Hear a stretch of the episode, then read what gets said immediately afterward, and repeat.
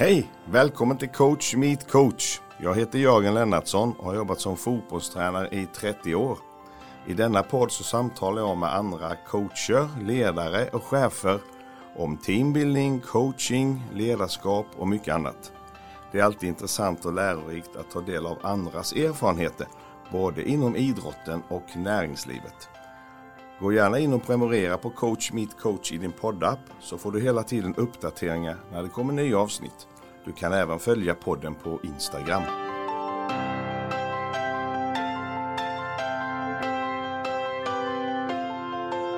Jag är glad att kunna presentera Folkspel som samarbetspartner till Coach Meet Coach. Genom att låta hela överskottet från försäljningen av Bingolotto och Sverigelotten gå tillbaks till föreningslivet så vill ideella folkspel bidra till växtkraft och till att göra Sverige bättre för alla. I det ingår att stödja framtidens ledare, bland annat tillsammans med Riksidrottsförbundet och utbildningsprojektet Eldsjäl 2.0. Folkspel, allt överskott till Sveriges föreningar. Tack för det! Hoppas du hänger med. Nu kör vi!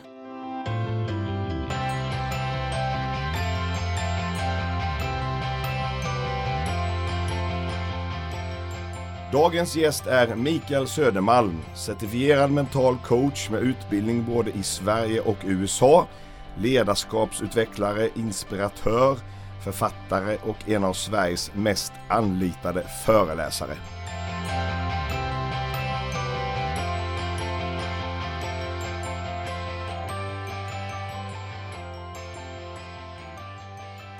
Mikael Söderman, varmt välkommen till Coach Meet Coach. Tack så mycket. Nyss fylla 60 år. Stort grattis, hur kändes det?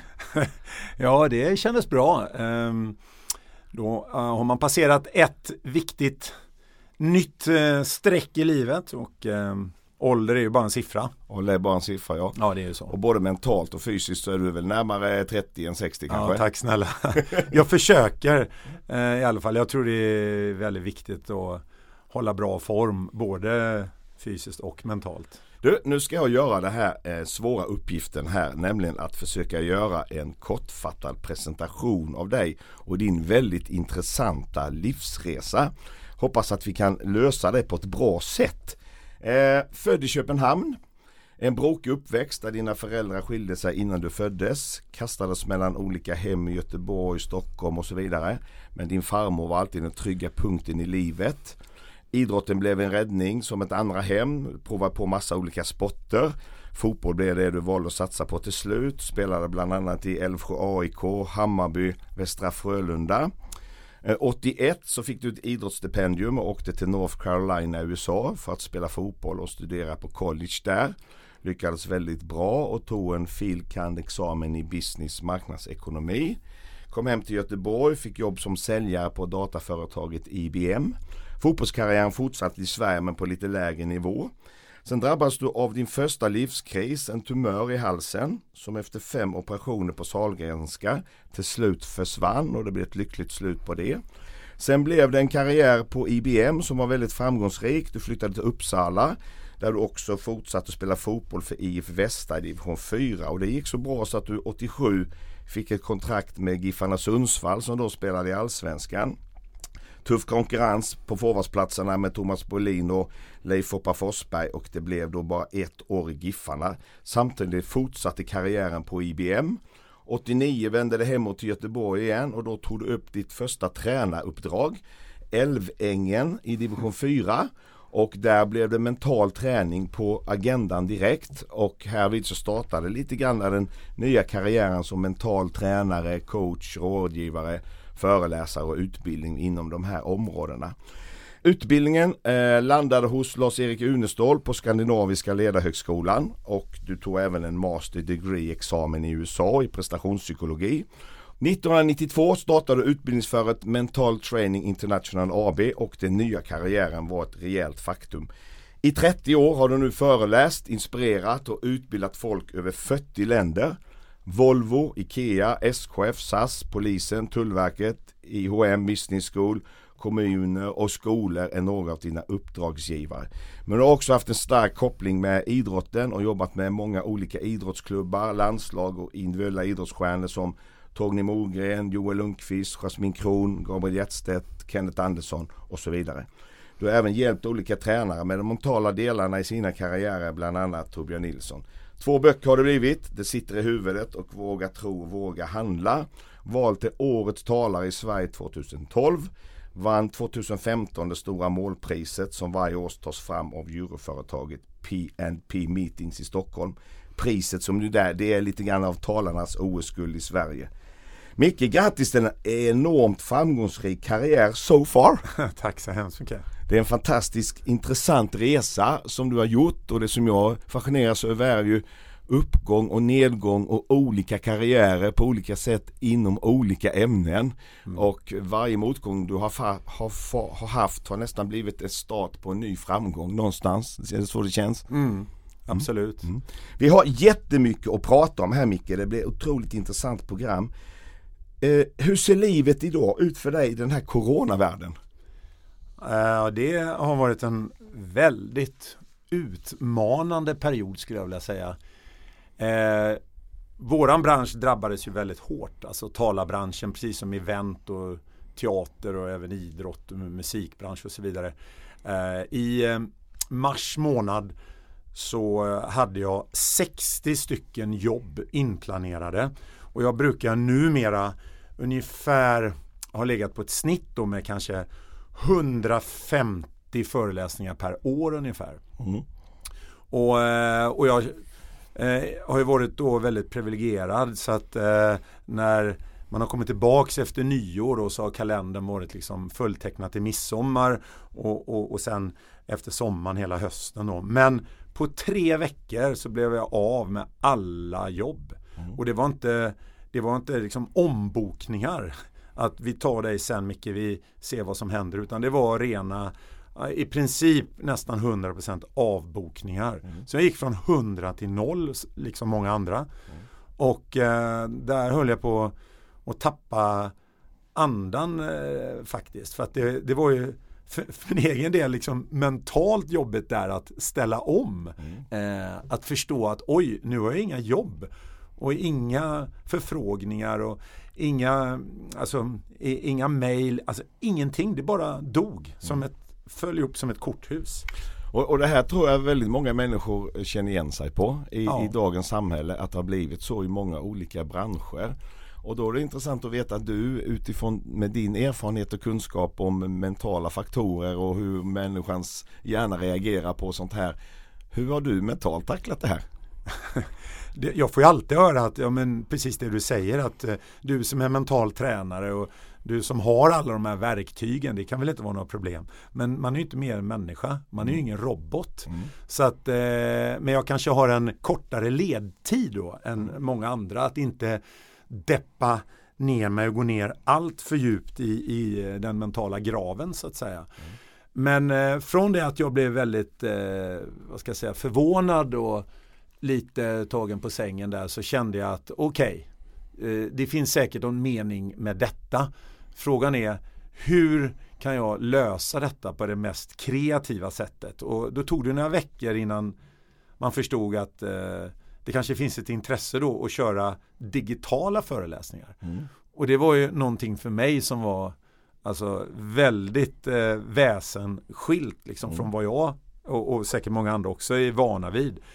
Och eh, jag kanske inte heller är så tekniskt kunnig med allt vad det innebär. Så jag fick hjälp av en av mina söner att köpa en webbkamera och köpte hem liksom en, en eh, eh så här blädderblock och gjorde en studio i vardagsrummet. Okay. Ja, och sen dröjde det inte så länge innan eh, en av mina kunder eh, ändå hörde av sig och sa att eh, kan du köra digitalt? Och då var jag ju lite lycklig då för att då hade jag ju fått upp detta eh, on running. Mm. Och, eh, och, och då, då, kände jag att jag fick eh, lite luft under vingarna. Mm. och även om det inte är samma sak att stå i ett vardagsrum hemma och inte ha kontakt med publiken. Man tittar in i en död kamera. Man mm. vet inte ens om publiken sover eller om de sitter och ritar eller om de är där, där överhuvudtaget. Så kräver ju det någonting helt annat av mm av oss som står framför en kamera då så att mm. säga. Men eh, jag, jag såg nog detta som en, eh, en ny erfarenhet, någonting positivt, försökte vända det till en, en fördel och känna att eh, nu får jag ju träna på någonting nytt. Och då mm. får jag ju själv gå utanför min egen eh, trygghetszon så att mm. säga. Så att, eh, har det blivit en utveckling för dig utifrån ett pedagogiskt, pedagogiskt presentationsperspektiv? Ja, ja, det kan man verkligen säga. Va, vad är de stora penseldragen där som du har lärt dig av det? Eh, det är att ehm, eh, tidigare eh, innan hela den här coronakrisen så har jag nog varit väldigt känd eh, föreläsare för att jag nästan aldrig har jobbat med PowerPoint. Nej. Men för en, en tiotal år sedan började jag också med PowerPoint. Och det var väl också då för att en del av min publik och inte minst då mina fyra fantastiska barn som är mina största kritiker och de som ger mig väldigt eh, positiv feedback. Eh, de sa att pappa, det är ingen som ser vad du skriver. Så det är väl bra om du börjar liksom med PowerPoint. Mm. Och då gjorde jag det. Mm. Eh, men på något sätt så tappar jag mig själv i det för att jag tycker att när man föreläser så ska det komma inifrån och mm. ut. Mm. Och har man då sitt koncept och man har sin kompetens och erfarenhet eh, då behöver man inte egentligen så mycket powerpoints. Då är det bättre att göra det levande. Mm.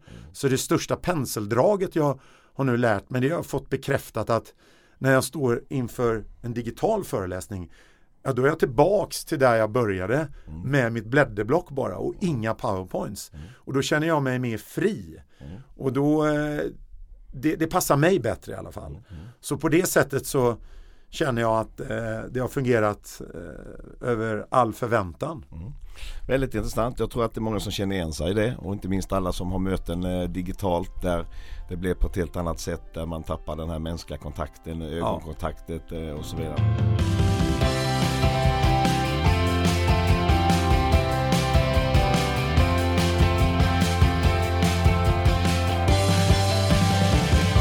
Du, eh, vi har ett otroligt mycket spännande saker att prata om. Eh, vi börjar lite grann med din uppväxt som var ganska så tuff. Hur har den påverkat den du är idag och det du jobbar med idag? Det har nog eh, påverkat mig väldigt mycket. Eh, man är ju ett resultat av eh, inte bara att man rent genetiskt och DNA-mässigt är den eh, unika personligheten och personen som man är. För alla personer är ju unika. Mm. Sen finns det en annan del då när vi pratar om den psykosociala miljön. Att man blir formad och påverkad av den miljön man växer upp i. Mm. Och för min egen del då som fick en start där mina föräldrar skildes eh, innan jag ens var född och sen eh, låg jag på Rikshospitalet i Köpenhamn ganska länge innan min biologiska mamma eh, åkte med mig över eh, till Göteborg där min farmor och farfar tog hand om mig då när jag knappt hade fyllt ett år. Eh, det, det, kanske jag inte då förstod eh, hur mycket det påverkar mig men man brukar säga att sanningen springer alltid ikapp dig. Din historia springer alltid ikapp dig någonstans. Så det är klart att jag växte upp med gamla fosterföräldrar tills jag var åtta år. Jag skulle börja andra klass. Jag gick första klass i, i en skola i Gullheden. Och sen så eh, hörde min pappa av sig då min biologiska pappa i, i Stockholm och ville eh, ha mig till Stockholm. Och eh, då var jag ju så trygg med min farmor och ville bo kvar. Och eh, lite eh, motstånd och mot min egen vilja då så flyttade jag till Stockholm. Och där växte jag upp i en söderförort i Högdalen mellan jag var åtta år till jag var 20. Mm. Och det, det, var ganska, det var, det var en tuff tid Eh, min, min, pappa jobbar alltid och eh, vi kom inte alltid kanske så bra överens heller. Eh, och jag saknar väl kanske en, en fadergestalt som fanns där och kanske även en, en mamma som var där som ett vad ska jag säga, mentalt mm. socialt stöd. Så jag fick klara mig själv väldigt, väldigt tidigt och så hade jag ju min farmor mamma så att säga i Göteborg som jag alltid kunde ringa. Mm. Och jag pratade nästan med henne varje dag i telefon. Om, om du inte hade haft den här uppväxten utan du hade haft en, vad ska vi säga, normal, trygg, fin uppväxt med två föräldrar och bott i ett eh, radhus i ett eh, medelklassområde i Göteborg, Stockholm, Malmö, något annan stad. Mm. Tror du att du hade landat i den här mentala eh, coachingspåret då? Nej. Eh, jag sitter här nu med dig, eh, 60 år och jag känner en tacksamhet eftersom jag nu har kunnat ändå hantera och bemästra eh, väldigt mycket motstånd och väldigt mycket jobbigheter och hinder och problem på vägen. Mm. Eh, så jag, jag, är ju tacksam för att min eh, mamma och pappa gav mig ett liv. Och sen så har ju det jag har varit med om, tack vare det, mm. så har ju det på något sätt format mig till den jag är idag. Mm. Så det har nog hjälpt mig mentalt och sen har jag ju fått hjälp från andra människor och förkovrat mig mycket i utbildning och mm. lärt mig successivt saker hur, hur, man kan vända motgång till mm. framgång på ett kreativt och konstruktivt sätt. Det är bra, vi återkommer lite till det. Eh, förebilder i livet? Förebilder Intressant fråga. Eh, ja, min farmor vill mm. jag ju först nämna. Eh, hon påverkar mig väldigt, väldigt mycket på grund av att eh, hon själv växte upp under tuffa förhållanden första eh, och andra världskriget. Hon var född 1912 och dog 2015 så hon blev 103 år mm. gammal. och jag, jag, tror att jag påverkas väldigt mycket av hennes goda humör. Jag förstod inte det när jag var liten men hon hade en enorm ryggsäck och var med om oerhört jobbiga utmaningar. Men hon var alltid så positiv och, och glad. Mm. Och hon, hon präntade in i mig två saker som jag har haft med mig hela tiden och försökt sprida också, inte bara till min familj utan även till min publik. Det var två saker. Det ena var, hon sa alltid Sluta älta gamla förtreter. Mm.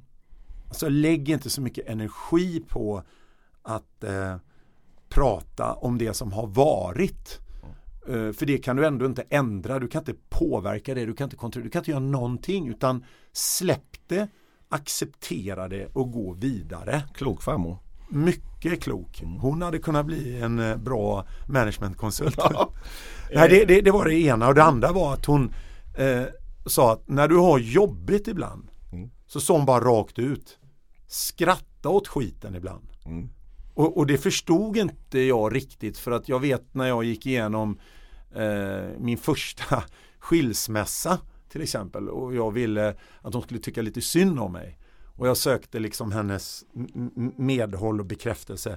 Då började hon bara skratta och sa att grattis, mm. eh, det här ska du inte se som något misslyckande, det här är en ny erfarenhet och en lärdom. Mm. Men du måste liksom använda humorn och få lite distans till det. Och det, det innebär inte att hon inte tog det liksom på allvar utan hitta den balansen. Ta inte allting alltid så allvarligt. Och det är också ett budskap jag har till alla. Att ibland kanske man bara ska skratta åt eländet och på något sätt sätta punkt och så går man vidare för att hitta nya lösningar och möjligheter. Någon mer förebild än ja. farmor? Ja det har jag. Ehm, jag ehm, måste ju då nämna Lars-Erik Unestål. Mm. Eh, Skandinaviska ledarhögskolan i Örebro. Ja, mm. eh, rektor där för den skolan som han startade i slutet på 80-talet. Eh, psykolog och forskare inom tillämpningsbar psykologi. Och han pratar ju aldrig om ålder. Han är ju evigt ung. Mm. Men han kommer inte heller ifrån att han har en kronologisk ålder. Jag, jag tror att han är 82 år idag.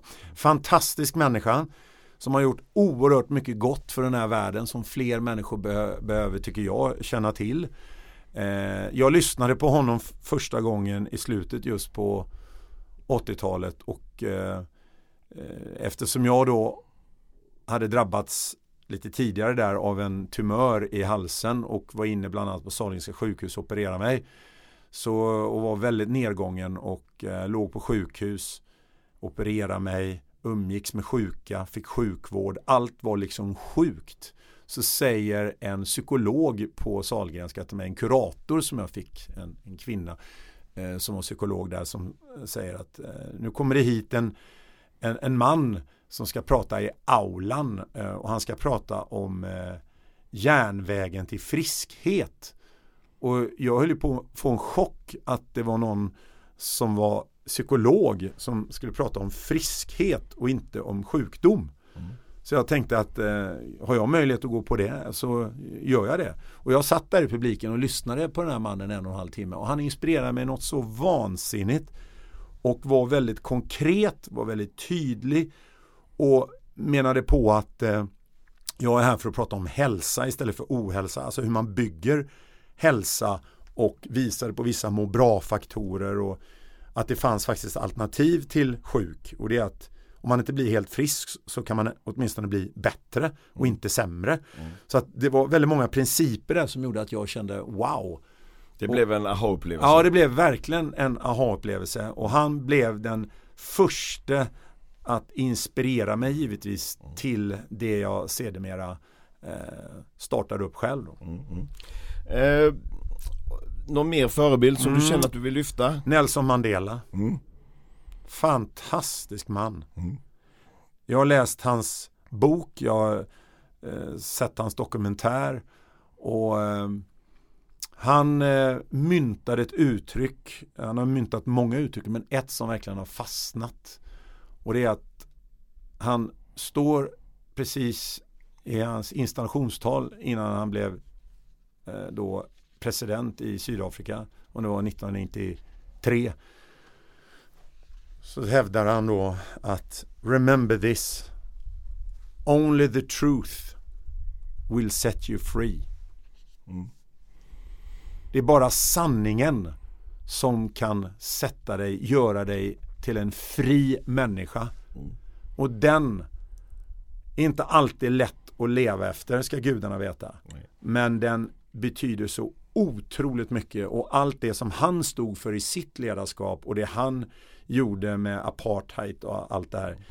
Helt enastående och dessutom vara fängslad i 27 år och komma ut efter det och bli Sydafrikas president. Ja, jag saknar ord. Och så bjöd han sina fångvaktare på just det. Fem, var det 50-årskalaset? Ja, ja det var 60-årskalaset. Och även på hans installationstal ja, tror jag. bjöd han sina fångvaktare. Exakt. Det är höjden av prestigelöshet. Och ja. lite grann av vad din farmor sa. Ja. Se framåt, det som har hänt det kan man inte påverka. Exakt. Mm. Mycket bra. Eh, mm. Ledstjärnor och värdegrunder som du lever efter, som du har skaffat dig under den här långa resan. Har du några sådana? Ja, eh, det har att göra med det jag precis sa som jag tycker är jätteviktigt att ett, vara sann i sitt tal. Jag har heller inte varit sann i mitt tal alltid för det kan låta väldigt klyschigt och bli som en floskel. Eh, men det är på ett sätt väldigt synd att det ska ta 60 år innan man känner att det är, det, det är den enda vägen som kan leda till ett lyckligt liv. Eh, om du är sann i ditt tal, om du är liksom brutalt ärlig inom dig själv, med dig själv, mot dig själv. Och sen givetvis då eh, gentemot andra. Så det, det är den ena eh, tycker jag, viktiga ledstjärnan, en, en viktig värdering. Eh, och värderingar har ju med beteende att göra. Mm. Så att man beter sig, uppför sig att vara sann utan att liksom prata om det. Det, det tror jag man kommer längst med. Mm. Eh, respekt. Mm. Också eh, väldigt viktig värdeord och då menar jag respekt för varandra, respekt för sina barn, för sin partner, för sin chef, sina arbetskollegor, för sina eh, konkurrenter, motståndare. Eh, respekt eh, till naturen, till djur. Att man har respekt tror jag är en grundbult faktiskt i att skapa sunda, friska förhållanden. Mm, mm. Så det är ytterligare en. Och sen känner jag också det här med en, en tredje eh, värdering som jag pratar också väldigt mycket om är medmänsklighet. Mm. Jag tror att det är viktigt att, att visa inte bara medmänsklighet men förstå att livet handlar inte bara om dig. Och det finns ett engelskt uttryck som jag tycker om. Jag vet inte var jag har fått det ifrån och ibland undrar jag om jag har skapat det själv i eget huvud. Men det, det spelar ingen roll. Det, det, det är så här. It's not about me. It's about we. Mm. Och det går ju igen i, precis överallt att vi är olika och det är det som är dynamiken i familjer, i lag, organisationer, i en skolklass. Att, eh, att vi är olika och oavsett bakgrund, eh, kulturellt, eh, vad ska jag säga, religiöst, eh, vilket land du kommer ifrån, hudfärg du har, så är det viktigt att man visar respekt, man visar medmänsklighet, att man känner empati. Mm. Det tror jag är väldigt, väldigt viktigt för mänskligheten överhuvudtaget. Och på svenska blir det enkelt översatt laget före jaget. Och det, det, är ju en sak som verkligen behöver påtalas många gånger i det Absolut. här nya samhället som vi har. Helt rätt. Du, eh, du hade en väldigt framgångsrik karriär i, inom IBM och var mm. försäljningschef där under många år. Vad var det som gjorde att du till slut Eh, gav upp och slutade hela den karriären inom den branschen för att satsa på det här med mental träning och det spåret istället. Mm. Eh, det var ett fantastiskt roligt jobb, krävande jobb med både budgetansvar och personalansvar.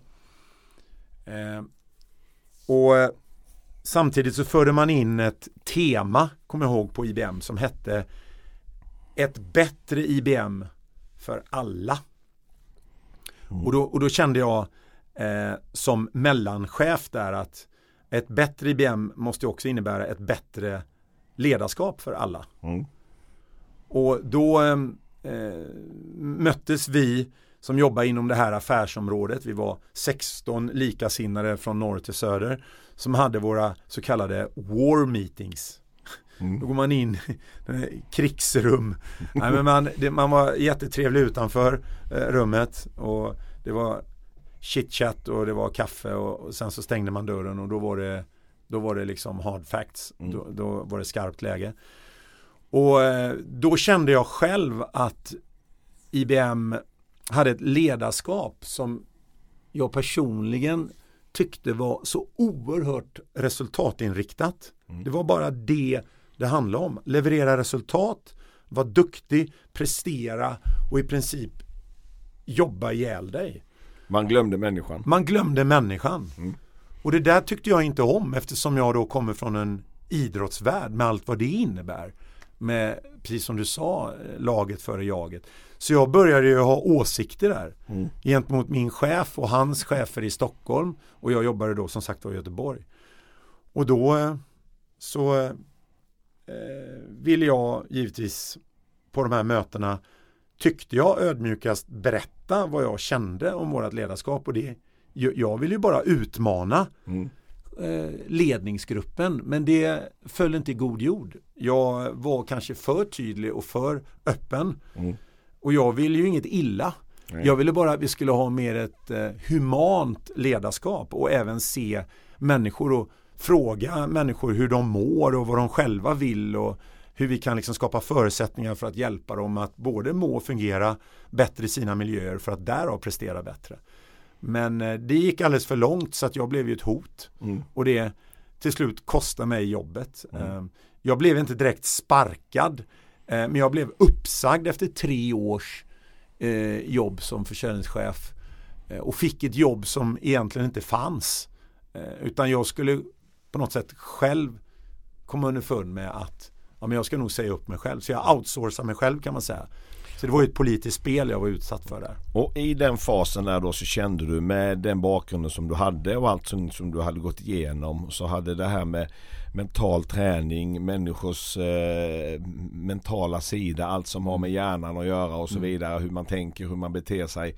Ah, det här är mer intressant än att hålla på och sälja massa datorer. Jag ska ja. satsa på detta istället. Ja. Kan man säga så? Ja, så, kan man verkligen säga. För då hade jag dels träffat eh, Lars-Erik Unestål. Jag hade mm. gått igenom min eh, sjukdomsperiod.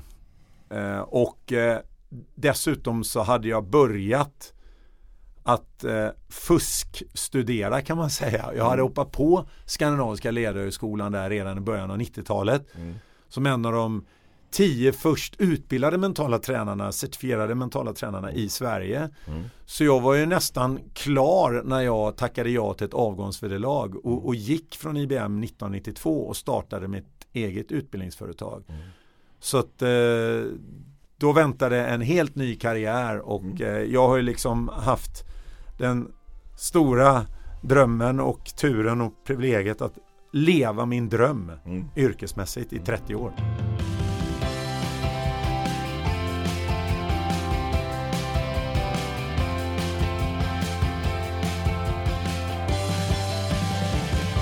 Då släpper vi lite grann den här resan som du har gjort och så går vi in på ett antal teman och ämnen här som ju eh, är inom ditt gebit och då självklart så måste vi börja prata om det här med mental träning såklart eftersom Mm. det är eh, basen och fundamentet i detta.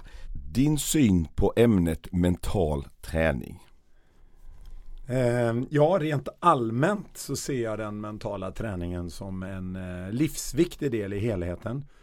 Vad gäller allt som har med personlig utveckling och mental styrka att göra. Mental träning i kombination med fysisk träning är i särklass den bästa kombinationen anser jag för att nå bättre prestationer och resultat. Mm. Och eh, är du mentalt starkare så vet ju alla att då brukar det vara lättare att även kunna hantera och bemästra olika situationer som dyker upp i livet. Och för mig handlar det inte bara om att stärka sig inför olika idrottsliga prestationer utan det handlar om livet i stort. Mm, mm. Eh, om, om vi håller oss då till ämnet mental träning, kan du utveckla lite mer om det? För det är ganska vitt begrepp och det finns olika Mm. typer av mental träning och så vidare. Dina tankar och funderingar kring detta? Ja, eh, först och främst så eh, känner jag att eh, alla människor har nytta och glädje av mental träning. Mm. Oavsett vem du är och vad du gör. Och då tänker jag på allt ifrån eh, barnen i skolan, om man är tonåring, förälder, eh, man är tränare, eh, idrottare, pensionär eller oavsett vad man gör, vem man är eller vad man jobbar med. Så är den mentala träningen en viktig del för alla. För jag tänker så här att alla vill väl ändå ha tillgång till sina bästa resurser. Mm. Att känna sig stark, att eh, tro på sig själv, att eh, vara motiverad, känna glädje i det man gör och, och eh, kunna förverkliga liksom sina drömmar och mål. Och då är mental träning ett av de redskapen som, som hjälper dig att, att känna dig både mer trygg som individ och enklare nå det du vill uppnå i ditt liv. Mm. Och det finns en hel del olika typer av som man kan kategorisera som ligger under kategorin mental träning. Eh, berätta lite om det. Ja, eh, du tänker säkert på eh, den här uppdelningen i den mentala träningen. Exakt. Eh, och då kan man ju väldigt enkelt säga att mental träning är uppdelad i två olika delar. Det finns en mer eh, grundläggande eh, konditionsträning där man lär sig eh, olika metoder och tekniker för att reducera stress, gå ner i varv, kunna lära sig att reglera sin muskulära och mentala spänningsnivå. Allt för att ladda, hämta ny energi men framförallt också att bättre förbereda sig själv och hjärnan för del två i den mentala träningen då, som är en mer målinriktad träning. En mer, eh, vad ska vi kallar den för mental styrketräning. Mm. Och det hör man nästan på namnet att då handlar det mer om att lära sig att träna på och utveckla sina mentala styrkor. Och det kan vara allt ifrån ditt självförtroende, din koncentrationsförmåga, din attityd, inställning, hur du jobbar med mål, eh, hur man löser och hanterar eh, olika eh, situationer som press, stress, krav, förväntningar eh, och så vidare. Så att eh, det är två helt separata eh, delar kan man säga. Mm. Eh, Rent konkret hur man går tillväga eh, i de här olika delarna. Kan du berätta lite om det? Eh, ja, alltså jag vill först så vill jag ju eh, starta med att säga eh, alltså det som är utmärkande för just mental träning det är ju att vi definierar ju den mentala träningen som en eh, långsiktig och systematisk träning av mentala processer och färdigheter. Mm. Och mentala processer, där har vi he hela den mentala essensen, kärnan i all mental träning. Det vill säga vi jobbar med våra tankar och, och känslor som är våra liksom främsta och mest vanliga verktyg eh, i livet i stort och det som styr och påverkar alla områden i livet. Mm. Vi, vi pratar om TKB, tankar, känslor, beteende. Eh, som också är faktiskt kärnan i, i kognitiv beteendeterapi. Eh, man brukar ju säga att våra känslor är eh, vårt liv och när känslan tar över så försvinner oftast vårt rationella tänkande och förnuft och, och då handlar man ofta väldigt spontant, väldigt direkt och ibland till och med oförnuftigt utan att tänka till. Mm. Och det är många som säkert känner igen den känslan när känslan går före istället för att planera och tänka till och tänka till före. Käns känslan tar överhand över hjärnan kan man ja, säga. Ja, men lite grann så. Mm. Och det som främst då utmärker mental träning för att komma in på det som är så viktigt att förstå det är språket som används i den mentala träningen. Mm. Vi arbetar med ett speciellt mentalt träningsspråk kan man säga. Mm. Som, som skiljer sig väldigt mycket från det verbala språket och eh, kroppsspråket som jag annars talar ganska mycket om. Mm. Och I mental träning så pratar vi om bildspråket. Mm. Vi använder alltså det vi kallar för bilder.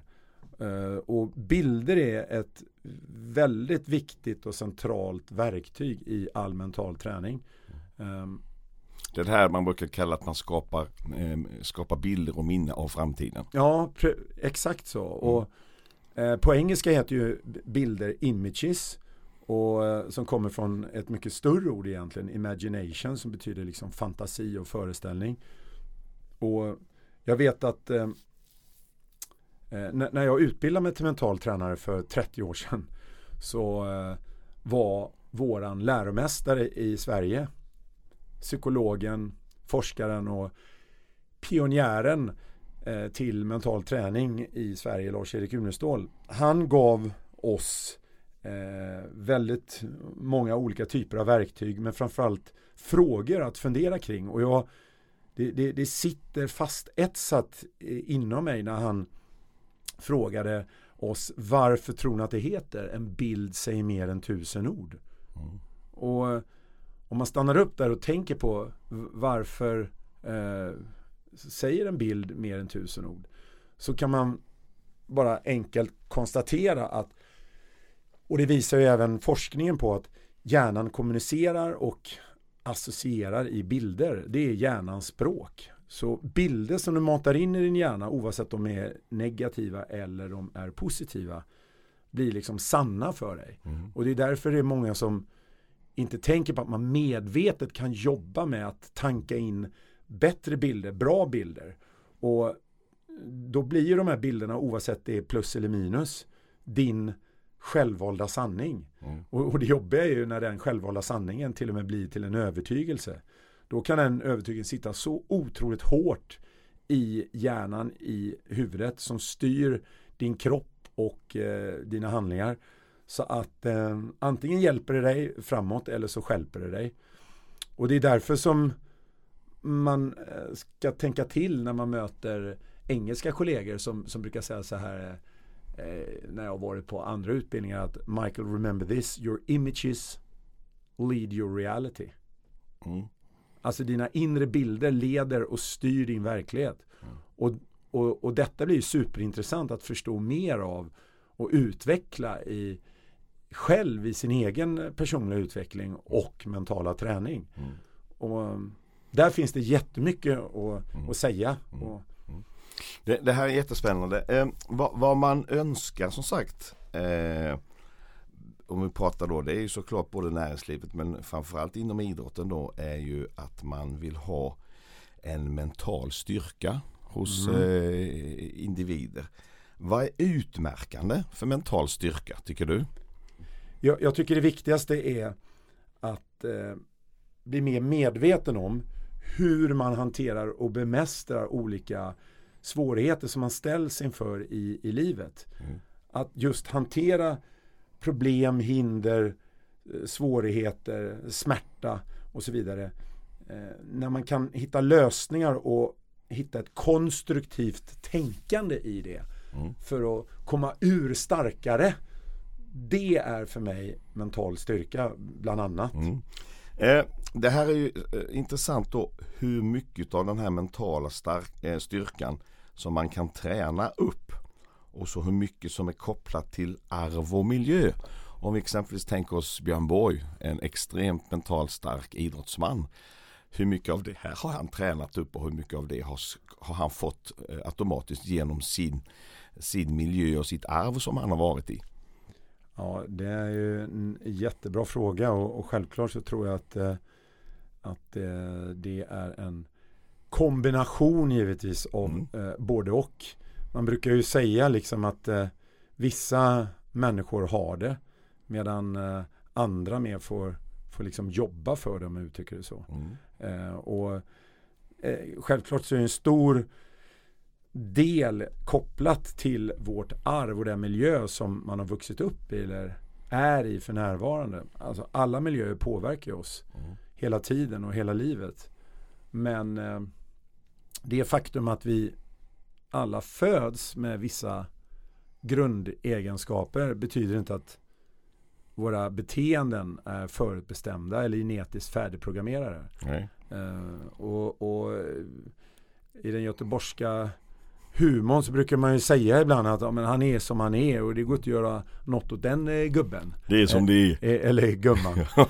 så förutom vårt genetiska arv så, så påverkas våra tror jag, mm. egenskaper av, av såväl fysiska och psykiska mm. eh, faktorer i den miljön som vi lever i. Mm. Jag vet att det har funnits en del, del undersökningar hur mycket som är påverkningsbart och hur mycket som kommer från arv och miljö. Och att det där har varit en, en, en, förändring i, i vad man har kommit fram till i, i, i de här resultaten över de mm. senare åren. Kan du berätta lite om det? Ja, alltså man, man eh, det, det, finns ju forskning som säger att uh, går vi 30 år tillbaks så, så tror man att 80% var genetiskt och 20% gick att göra någonting åt. Och då är det lätt att tappa hoppet och känna mm. att ja men herregud då är det ju kört. Mm.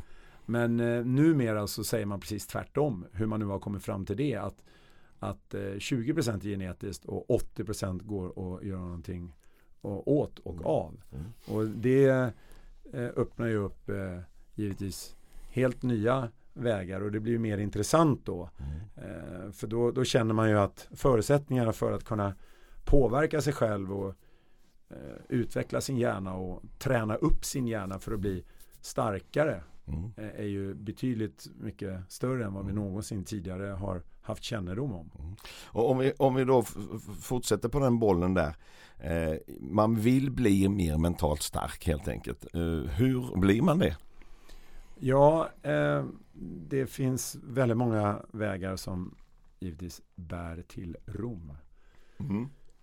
Eh, att bygga mental styrka handlar väldigt mycket om att både ta ansvar för sitt egna liv och eh, kunna påverka det man kan påverka.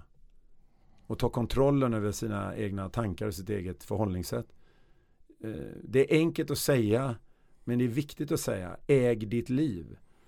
Alltså lägg mer fokus och energi på det du faktiskt kan påverka och kontrollera. Mm. Och det är ju nämligen ditt mindset. Och kan man inte det själv, och då är det viktigt att eh, ta hjälp. Att eh, antingen få professionell hjälp eh, där man anlitar en mental tränare och, och coach. Eller om man har eh, andra saker som man vill lösa som kanske ligger mer bakåt i tiden. Ja, då kanske man ska gå till en professionell terapeut eller psykolog då för att eh, mer titta på orsak och verkan etc. Men sen är det viktigt att bli mer medveten om tycker jag också eh, vad och hur du säger saker till dig själv. Alltså hur du pratar in i huvudet med dig själv. och, och om dig själv när det just är jobbigt och motigt. Alltså har du eh, mer ett negativt språkbruk? Är det det som dominerar in i huvudet på dig? Eller har du ett positivt och konstruktivt språkbruk? Mm. Det här är någonting som är jätteviktigt att bli medveten om för att sen kunna förändra och kanske byta tankar och eh, programmera in bättre tankar och, och tankar som, som hjälper dig framåt. Mm. Mm. Så det handlar också om att acceptera det som har hänt.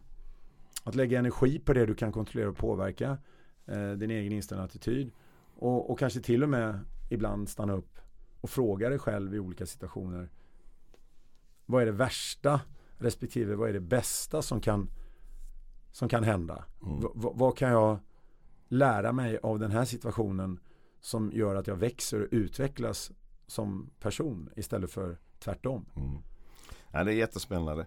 Alltså en del av de här delarna att bli mentalt stark är ju såklart då att jobba med de mentala bilderna som du pratade om förut. Kan du mm. utveckla mm. det ytterligare lite grann hur man kan jobba med de mentala bilderna? Eh, ja, eh, det kan jag absolut göra. Vi, vi pratar ju ibland i den mentala träningen om vikten att ha en sund och stark självbild. Och mm. jobba även med tändande, inspirerande målbilder som är två viktiga delar att träna på i den mentala träningen. Mm. Eh, och jag skulle nog vilja säga att, att om du inte har en bra och sund självbild så är sannolikheten väldigt stor att du inte heller når dina uppsatta inspirerande målbilder. Men om du däremot arbetar ständigt med att stärka din självbild där självkänsla och ditt självförtroende då är två helt avgörande delar i din självbild så är ju chanserna och förutsättningarna avsevärt mycket större att du kommer nå dit du vill. Och eh, Därför så är ju din fantasi och föreställningsförmåga som du är född med oerhört viktigt. Så precis som du säger Jörgen att i den mentala träningen så är just då mentala bilder det centrala. Och vi delar ju in bilder i två delar kan man säga. Dels har du yttre bilder och sen har du inre bilder. Och yttre bilder det är ju de synbilder som du ser när du liksom tittar på någonting. Eh, du, du, ser en, eh, en bil eller du ser ett, eh, eh ett träd eller du ser en, en, en målbur. Då kommer ju då kommer det automatiskt en bild till din hjärna och så uppfattar hjärnan det som en konkret bild genom din syn. Sen har vi även mer färdiga bilder, alltså stillbilder i form av foton och andra motiv och så vidare. Men det vi pratar om i mental träning, det är ju det vi kallar för inre bilder. Mm. Det vill säga bilder som vi själva skapar inom oss själva, inne i huvudet. Och det är just det då som vi kallar för images på engelska. Och våra inre bilder sen innefattar också alla våra fem olika sinnen som syn, känsel, hörsel, lukt och smak. Som då skapar vår upplevelse av någonting i en specifik situation. Mm. Och våra upplevelser de är ofta som du vet och alla känner till kopplad till en känsla. Och då är det jätteviktigt att få med sig att antingen så kan man se sig själv eh, i känslan. Alltså du är dissocierad, det kallas för dissa i, i det mentala eh, språket. Det vill säga du ser en bild av dig själv som från en, en tv-skärm. Du ser den eh, på distans, alltså på, på håll. Vilka är ett sätt att se en bild. Men sen kan man också se eh, sig själv utifrån sina egna ögon, mm. internt inne i huvudet också om man säger så. Då. Och, då, och då ser du inte dig själv liksom där borta utan eh, du är själv i upplevelsen. Du är i situationen, i händelsen. Och när man jobbar med de här bilderna då så associerar man alltså bilden. Man kallar det för assa, dissa och assa. Det är två sådana uttryck som är enkelt att komma ihåg. Och då när man jobbar med de här inre bilderna så är det viktigt att träna sig på att utveckla och koppla alla de här sinnena för att göra de mentala bilderna så tydliga verkliga och kompletta som möjligt så att de känns på riktigt. Och eh, det som är oerhört väsentligt att veta då som också gör att det är så spännande att jobba med den mentala träningen det är ju att all forskning visar att hjärnan kan inte se skillnaden mellan en verklig händelse och en fantasiupplevelse. Mm. Utan hjärnan matar bara in det som du tolkar som sant. Mm. Och sen så programmeras det i ditt undermedvetna och kroppen styr, kroppen lyder och du ställer in dig mot det som du har matat in. Och det är därför det är så väsentligt att mata in rätt bilder och bra bilder. Mm. Och ju oftare du gör det ju större är chansen att det manifesteras mm. både fysiologiskt och neurologiskt. Mm. Det här är jättespännande och när, när allting då rullar på på ett bra sätt så brukar man prata om att man kommer i flytzonen. Mm. Och det är någonting som alla vill komma i. Vad är det som händer i huvudet när man är i flytzonen? Och hur kommer man dit? alla vill komma i flytzonen. Eh, flyt eller vara inne i bubblan. Eller när allting går av sig självt. Man har en, en härlig, fantastisk känsla där man bara känner sig ostoppbar. Och man har självförtroende som aldrig förr och man har hög svansföring och allting eh, eh, pekar liksom i bara en enda riktning. Och eh, det är ju så att flyt är ju faktiskt, om man förklarar rent tekniskt, ett icke-logiskt tillstånd. Människor brukar säga så här till mig, ja men då har man ju positiva tankar och då tänker man eh, att allting är möjligt och att allting kommer gå bra. Men eh, faktum är att du, du tänker inte alls. Nej, du har inga precis. tankar. Det bara går av sig självt. Det, det bara går av sig självt. Mm. Och för att komma dit så finns det lite olika sätt. Eh, ett sätt som vi som mentala tränare jobbar med, både individuellt och med grupper. Det är ju att eh, försöka dels ta reda på ett slags nuläge eh, för de du, du har framför dig och, och, och jobba med. Det vill säga hur skapar ni mentala rutiner och strategier idag? Vilka vanor har ni inför era mentala förberedelser? Mm. Är det någonting som är medvetet? Eller är det bara ett eh, hopplock eller upp till var och en och man, man har inte riktigt koll på detta. Eh, det, jag tror att det är jätte, jätteviktigt. Om man, om man tittar på alla högpresterare så är de, eh, de lämnar liksom ingenting åt slumpen. Och, och, och, det handlar både fysiskt och mentalt, inte minst inom idrottsvärlden. Så för att hamna i flytet så är det viktigt att skapa bra vanor, att ha rutiner som man håller sig till, att man är väl förberedd och kanske gått igenom situationen som man har framför sig eh, innan eh, själva uppgiften eh, ska eh, utageras. Och det, det, är ju lite grann som du vet när man tittar på eh, störtlopp eller super-G. När män och kvinnor innan de kastar sig ner för trippla svartbacke. Mm. Då har du ju sett hur de blundar och står och visualiserar liksom åket innan. Mm. Och, det, och det är ju för att egentligen stämma av eh, med både huvud och kropp att nu, nu, har jag liksom förberett mig, jag tar sista åket i huvudet och ser så att allting stämmer och sen när det säger pip, pip, pip, pip, alltså kör, ja, då har de inte tid att tänka. Mm. För då åker de ut i tredje porten. Mm. Och det, det är ju det som också var så signifikativt för världens främsta slalomkung genom tiderna, Ingmar Stenmark, som just mm. myntade uttrycket det är bara och Exakt. Eller hur? Riktig legendarisk. Ja, han hade ju inga bromsar, han åkte bara. Mm. Och det var därför han vann 86 världscupsegrar också mm. troligtvis. Mm. Så att, eh, nej, det, det, här är väldigt spännande hur du kan eh, jobba med eh, de här bilderna.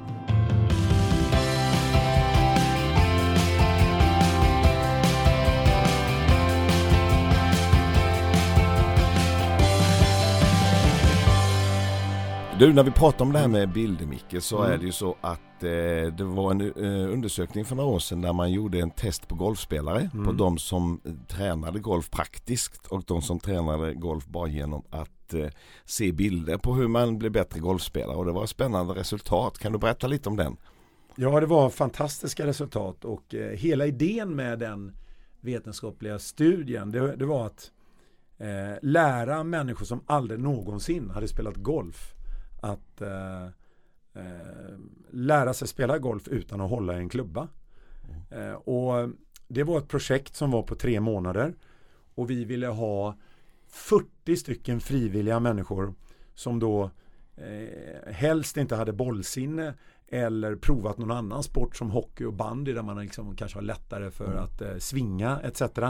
Och det är ju svårt att kolla men vi gick igenom eh, genom olika personliga intervjuer uh, att, uh, att det var så. Vi fick ju då välja att lita på människor. Så delade vi upp de här 40 personerna i fyra olika grupper med 10 personer i varje grupp under en tre månaders period där alla deltagare i de olika grupperna fick helt olika förutsättningar. Mm. Och, och, då var det så här att eh, grupp 1, det var en ren golfgrupp. De fick alltså träna golf med en professionell instruktör tre dagar i veckan under tre månader. Grupp två var en ren kombinationsgrupp där de både fick träna golf och mental träning tre gånger i veckan i tre månader. Grupp tre, det var enbart den mentala gruppen. Och, och då ska det sägas att med, med, hjälp av en videofilm, en, en golffilm alltså i, i video, så fick de titta på den här filmen och de fick den hemskickad och skulle under 45 minuter tre dagar i veckan utan ljud sitta och titta på en av världens främsta golfare hur den personen hanterade olika slag, klubbor, svingar, chippar och puttar. Och de fick eh, ta del av både det långa och korta spelet. Och de fick också förstå klubborna har olika nummer på sig. Mm. Som vi sen sa till dem att det här är en järntrea eller järnsjua, järnia. Det här är en pitch, det här är en driver, det här är en putter. Och de är olika vinklade och, och går lika långt och så vidare för att de skulle ha lite pejl då. Eh, och därefter fick de lära sig djup avslappning, en slags självhypnos och visualisera, föreställa sig, alltså måla upp de här inre mentala bilderna på att eh, imitera, härma egentligen det de såg framför sig. Föreställa sig att det var de själva som var ute och spelade. Men de fick inte träna golf överhuvudtaget. Och grupp fyra, det var en kontrollgrupp som inte fick träna någonting alls. Och efter tre månader, då var det dags för examen mm. på Sankt Jörgens golfbana eh, på Hisingen utanför Göteborg. Och då ska du veta att eh, det var sånt intresse kring det här från media så att nästan all press, eh, alltså pressen, media var samlad och eh, kommer du ihåg eh, Kjell Kjellman från ja, TV-sporten? Absolut. Han var där och intervjuade några deltagare och i synnerhet då var man ju mest intresserad av den mentala gruppen. Eh, och eh, då delar man upp alla de här 40 i 10 olika så kallade fyrbollar. Och där det var en deltagare från varje grupp som var representerad då i, i varje fyrboll. Sen spelar vi slaggolf. Mm. Eh, det vill säga man räknar alla slag men fram till max 10 slag då. Sen fick man ta upp bollen och så fick man skriva 10. Men alla gick alltså 18 riktiga hål med domare mm. som skötte skåren, som skötte räkningen då. Och då är min fråga, hur tror du att det gick? Ja, jag tror ju att de här som hade bara mental träning hade eh, väldigt höga scorer i förhållande till vad man förväntade sig. Ja, och det, det, det var ju det som var så häpnadsväckande. Jag själv fick ju frågan vilken grupp tror du har lyckats bäst av de här? Och jag svarar direkt eh, kombogruppen givetvis. Absolut. De som båda tränar fysiskt och mentalt. Mm. Och eh, alltså resultatet var ju helt häpnadsväckande. Mm. Till och med för oss. Mm. Så på delad första plats, mm. vet du Jörgen, där kom en kvinna som hette Marie, kommer jag ihåg. Eh, hon, hon vann eh, hela tävlingen efter 18 spelade hål ihop med en kille då från kombinationsgruppen. Och han såg eh, kan man säga lätt eh, eh, störd ut och irriterad för han tror inte det var sant. Liksom. Jag menar du har ju aldrig spelat golf, du kan inte få lika många poäng som, som jag. Uh, och hon hade alltså aldrig någonsin hållit i en golfklubba. Det var första gången där och då. Och hon gick alltså runt efter 18 hål och spelade golf som hon aldrig hade gjort något annat. Och eh, bland de tio första spelarna, när vi räknar ihop resultatet av 40 spelare, så var fyra stycken personer eh, bland topp 10 eh, från enbart den mentala gruppen. Mm. Och vad visar det då? Ja, vad visar det? ja, det, det, det, visar ju att alltså, den mentala träningen eh, fungerar och att den mentala träningen är en väldigt viktig och väsentlig del att aktivt arbeta med och, mm. och ha med för att utveckla människors mentala kapacitet och för att just förbättra både prestationsförmågan och, och sitt inre mående och i slutändan skapa bättre resultat. Mm. Eh, och man kan väl också konstatera att det bästa ändå i slutändan är ju att kombinera praktisk träning ja, och mental klart. träning. Självklart är det ja, så. Absolut. absolut. Det där är jättespännande. Du, vi har varit inne och touchat lite på det här ämnet också men det, vi brukar ju prata ibland om självförtroende, vi pratar om självkänsla, vi pratar om självbild, vi pratar om självinsikt. Vad är det för skillnad på de här fyra orden? Mm.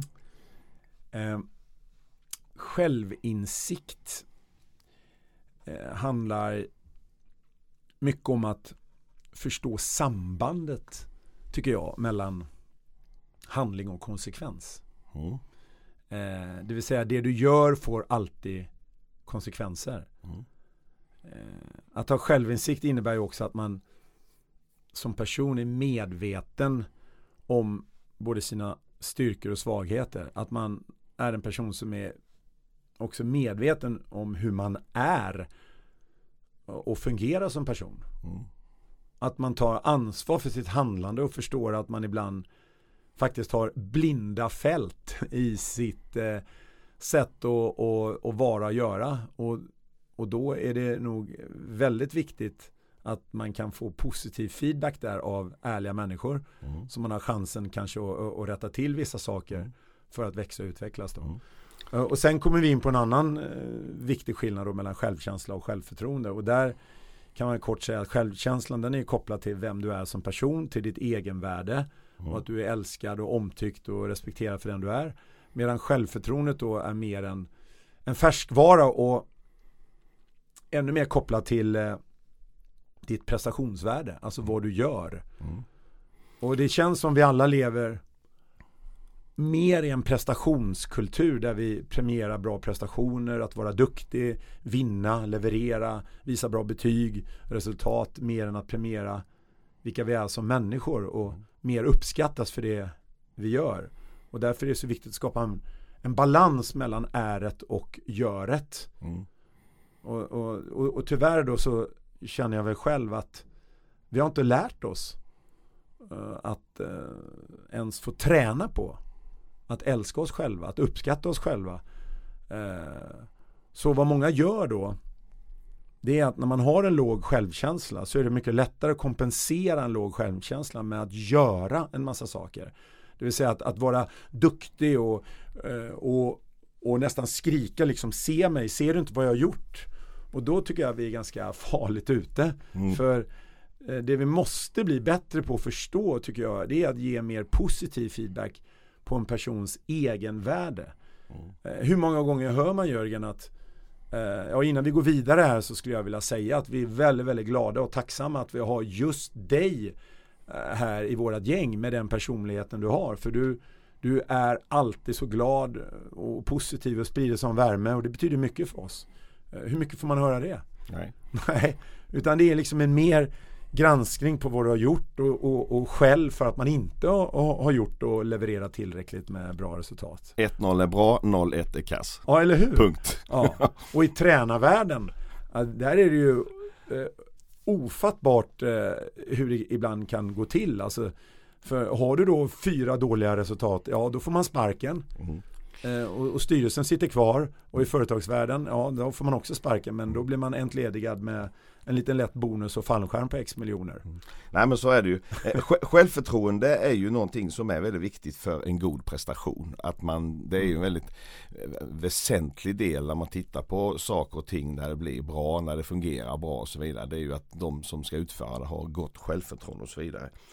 Eh, har du några bra tips på hur man kan förbättra sitt självförtroende? Ja, absolut. Eh, alltså det finns ju två olika sätt jag tänker direkt på. Antingen så går du via den mentala träningen. Mm. Där du lär dig eh, att eh, sätta dig i ett tillstånd i ett avslappnat, eh, lugnt och bra tillstånd för att eh, träna dig i att styra dina tankar och bilder i en mer önskvärd riktning och där mm. du laddar ditt självförtroende med bra mentala bilder. Mm. Bilder på vad du har gjort tidigare när du lyckats och det har gått bra. Eh, bilder som du skapar av det du önskar ska hända och samtidigt då använder ett språkbruk inne i hjärnan eh, där du tar bort också negationer. Mm. Alltså ordet, ord som inte och sånt tar du mm. bort. Att mm. Jag kan, jag vågar och så vidare. Att du bygger upp den mentala styrkan inom dig. Förutom den mentala delen av det här, finns det några andra saker som du kan ge tips på, rent praktiska saker som kan förbättra ens individs självförtroende?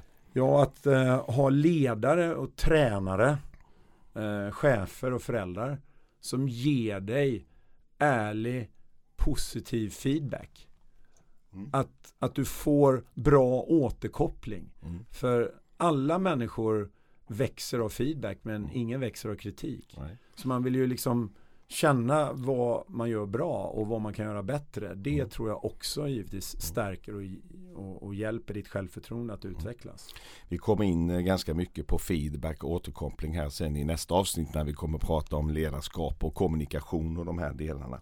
Eh, du, eh, mental träning då, vi, vi vet väldigt mycket att det här är en väldigt viktig del och så vidare och eh, mentalt stark är en viktig del att, att man är både i näringslivet och i, kan tackla allt som, alla utmaningar som kom, kommer där och idrotten inte minst och så vidare. Självförtroende är en viktig del. Men ändå är det en del som man kanske inte jobbar så jättemycket med i förhållande till alla andra delar i utvecklingsverksamheten. Varför tror du inte att man jobbar mer med mental träning trots allt?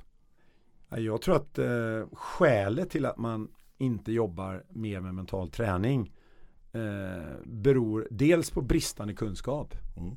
Eh, man har inga kunskaper och ingen utbildning och egentligen förstår på riktigt vad det är och varför det är viktigt, vilka effekter det skapar och hur man kan arbeta med det både individuellt och i grupp. Sen tror jag att det finns en del också där man tror att man vet vad det är. Mm. Och så har man bakat ihop någon slags hemmagjord förenklad ABC-variant av mental träning. Och mm.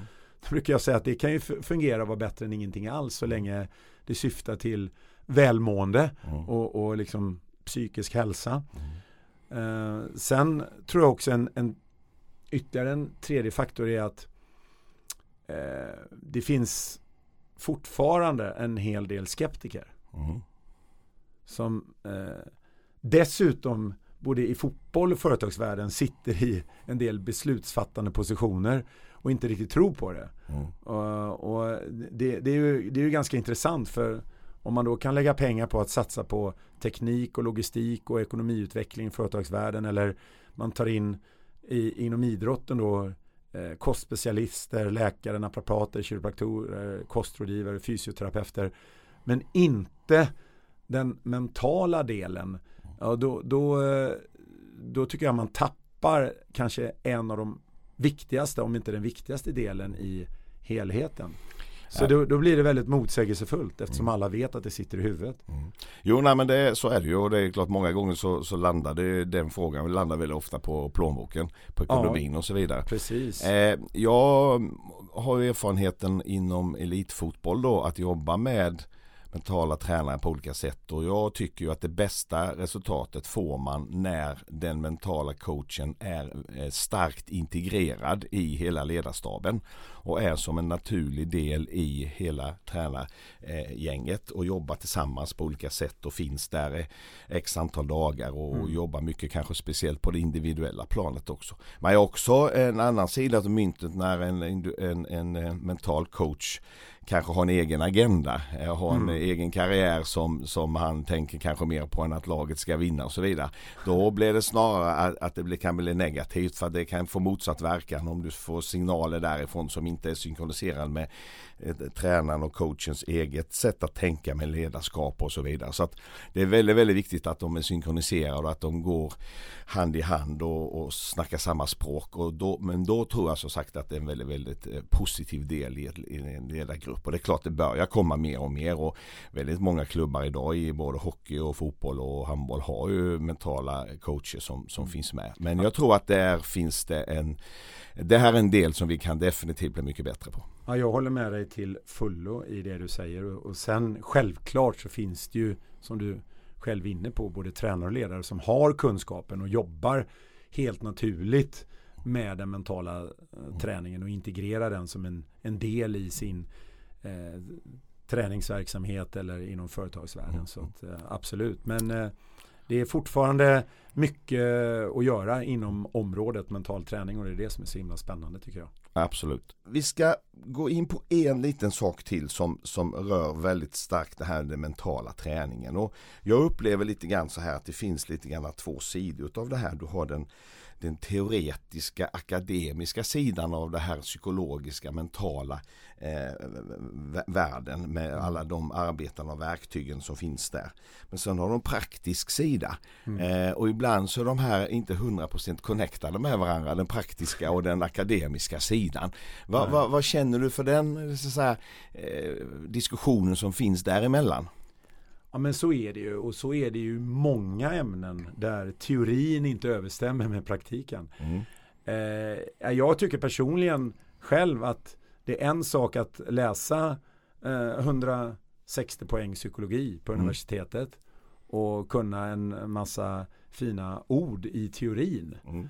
Eh, det, det, är ju en del av det. Det andra är ju att kunna praktiskt bryta ner teorin och tillämpa det i praktiken. Och det är ju där den mentala träningen kommer in som en, en väldigt, som jag har sagt, viktig del i helheten. Mm. Alltså där man jobbar mer konkret med sina tankar, känslor och, och bilder. Och det har ju visat sig fungera och nu med modern forskning så vet ju alla att eh, det är en eh, väldigt spännande del som är ganska alltså, out, alltså outforskad på så sätt att det finns oändliga möjligheter att, att eh, jobba vidare med den mentala träningen. Mm. Eh, och, och, jobba med den både individuellt och i grupp mm. för att få människor just att må bra och prestera bra.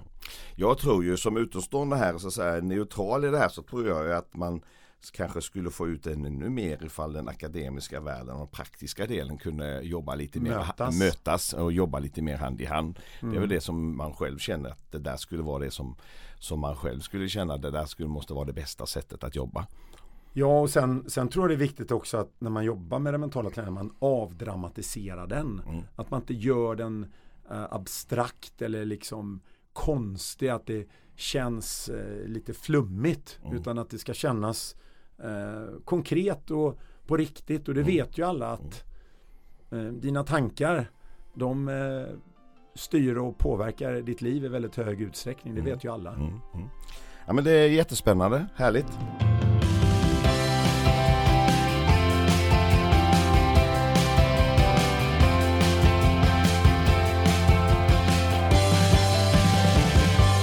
Du, eh, vi släpper det och så går vi över på någonting helt annat för mm. en kort stund här. Fem snabba svar Micke. Och då får du inte tänka för länge utan då vi vill ha ett spontant snabbt svar. Är du beredd? Ja. Oxfilé eller pasta carbonara? Lätt. Pasta carbonara. Göteborg eller Stockholm? Göteborg. Björn Borg eller Ingmar Stenmark? Oh.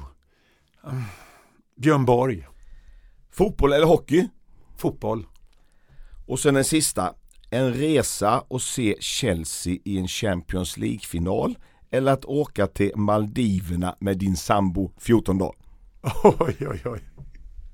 Ja, nu sätter du mig på hal is. Kan man inte få både och? Nej, där? tyvärr. Nej, Nej då, eh, då väljer jag Maldiverna. 14 dagar, annars får jag problem när jag kommer hem. Ja, jag, jag, jag förstår det. Ja. Eh, Eftersom hon hör svaret. Ja, hon precis. inte hört det här svaret hade hon tagit Chelsea. Ja, Du, du håller på Chelsea. ja det gör jag. Varför gör du det? Ja, men de har ju påverkat mig så mycket. Jag växte ju upp precis som du och många andra med Tips Extra och Lars-Gunnar Björklund. Ja. Man missar ju inte en lördag. Nej. Och då när jag var liten grabb där, hade flyttat till Stockholm och mitt eh, första lag som du läste upp här i presentationen, Älvsjö AIK. Jag spelade ju där ett halvår, sen blev det Hammarby i 11 säsonger. Så eh, titta på Chelsea, de hade en spelare som heter Peter Ossi, Osgood Mm. som var en centertank som var otroligt skicklig på huvudet. Han var nickspecialist. Mm. Och eftersom vi då hade Ralf Edström i Sverige som också var en av mina idoler Mm. och varje lördag eller väldigt många lördagar så, så visar de Chelsea och Peter Osgood Mm. som bara nickade in mål och jag satt med, jag tappade hakan och jag var så oerhört imponerad av honom och därför började jag hälsa på, På, Chelsea. eller började heja på Chelsea. Och då precis. hade de även Peter Bonetti i mål, Allan Hudson och så vidare. Det var precis. ett eh, kanongäng. Grattis till Champions League-segern för Chelsea får vi också säga då såklart. Det var väldigt starkt. Vad har du för relation till dagens Chelsea-lag? Ja, tack så mycket. Det är ju alltid roligt att vara Chelsea-fan. Jag har en fantastisk relation. Jag följer de stora matcherna. Och eh, nu var det andra Champions League-segern och det var ju otroligt spännande här i finalen mot Manchester City. Mm, Där, där man fick se en briljant fotboll måste jag säga från bägge lagen och eh, nu drog Chelsea det längsta strået och, och vann. Och, eh, man såg ju glädjen hur mycket det betydde för spelarna och klubben och fansen så att eh, det, var, det, var, det var stort var det.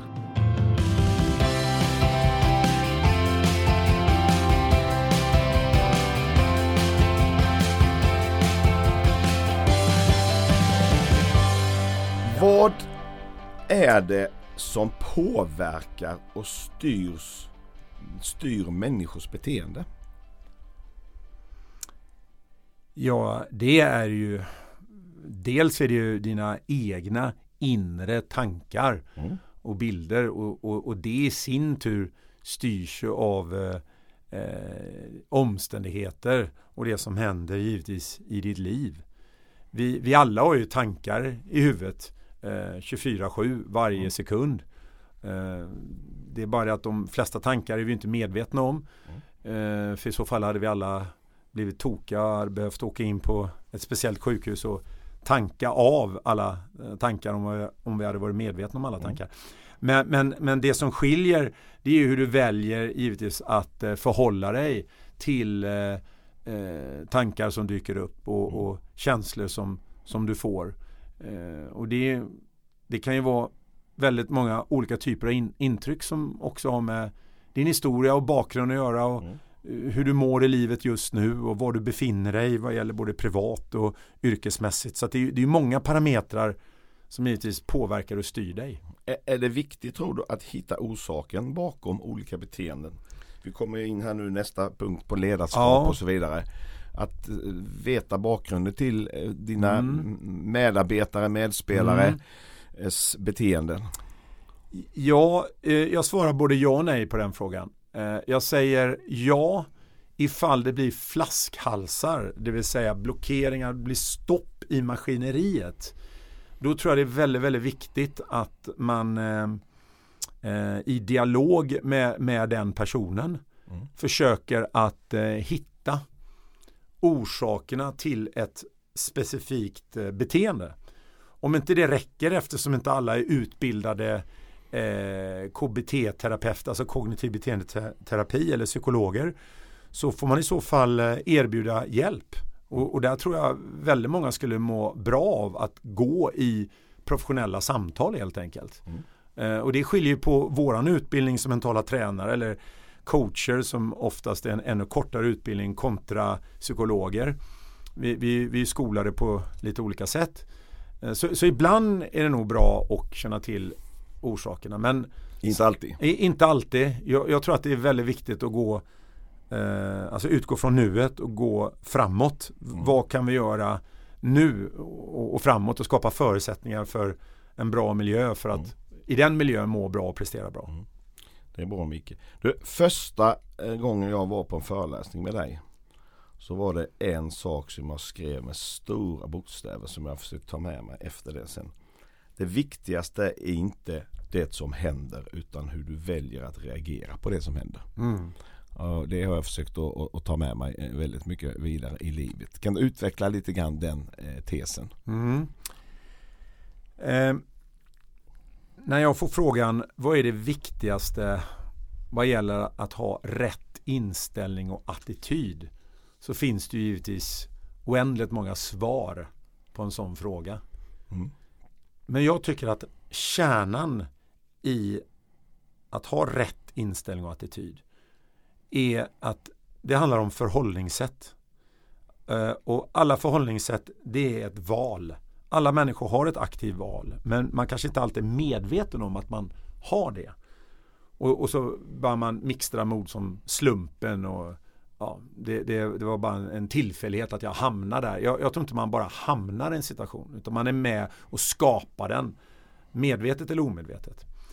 Och då har, det, har jag själv fått liksom eh, lära mig i, i, i eh, de skolorna jag har gått och från andra duktiga eh, utbildare och inspiratörer och föreläsare att jag fick till mig, det här var tror jag måste vara 2007. Jag kommer ihåg det så, så väl där, där jag hör någon säga till mig att det viktigaste i livet är egentligen inte vad som händer. Utan det är hur du väljer att reagera på det som händer. Mm. Och det där fick jag upprepa så många gånger så att jag fattar, för det finns ju en kortare version som, som det liksom, det är inte hur du har det utan hur du tar det. Mm. Ja, så kan vi leva med den istället. Men jag valde den första versionen för att där har du en del nyckelord. Det vill säga, vad ska jag ta för exempel? Jag, jag kan ta ett golfexempel. Mm. Vi amatörgolfare, vi vill oftast att bollen ska gå i den riktning vi önskar. Och så snabbt som möjligt till hålet och flaggan på, på, på greenen. Men ibland så vet alla att oj, nu gick den visst i fel riktning. Mm. Och så hamnar den kanske i, ibland i bunker. Och då, om man använder det här nu som en metafor i livet, så är det så här att det viktigaste är inte att bollen ligger i bunken. Utan det viktigaste är hur du väljer att reagera på att bollen ligger i bunken. Mm. Då har du alltså en kort tid på dig när du ska promenera fram till att slå det här slaget. Att hitta mentala strategier, eh, använda din inre dialog, att mer prata med dig själv att okej, okay, nu accepterar jag att jag har hamnat här. Det här är en mycket intressant eh, eh, situation. Eh, jag eh, gillar den här utmaningen. Det, det, är ett tufft läge men jag har tränat så mycket på detta så att eh, jag, kommer liksom greja det här. Kul, vad roligt det ska bli att slå ett bunkerslag. Eller ett annat förhållningssätt är jag visste det. Vilken sopa jag är. Mm. Nu slår jag i bunken igen. Nej men det är ju själva och så börjar man liksom på något sätt att racka ner på sig själv. Så när man kommer fram, ja då är man ju i helt fel tillstånd. Mm. Och låt oss säga att du står där och hackar tre luftslag och du får inte upp bollen. Ja, då är det risk att du har med dig det dåliga slaget även nästa hål och nästa hål och nästa hål. Och, och därför tycker jag det är en bra metafor att i livet, du kan inte påverka allt som händer. Alltså vad händer, det kan du inte påverka och kontrollera alltid. Men däremot kan du påverka och kontrollera ditt mindset, dina tankar och din attityd, hur du väljer att förhålla dig till det. Och blir du medveten om det, kan träna det ännu oftare, och då kommer det påverka din livskvalitet.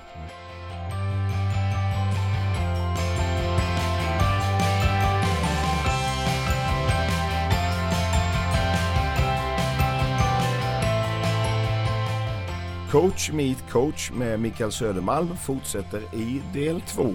Lyssna gärna på det. Och tack till Ideella Folkspel för att ni låter hela överskottet från försäljningen av Bingolotter och Sverigelotten gå tillbaka till föreningslivet och stödjer utvecklingen av framtidens ledare, bland annat tillsammans med Riksidrottsförbundet och utbildningsprojektet Eldsjäl 2.0. Tack för det, ha det bra!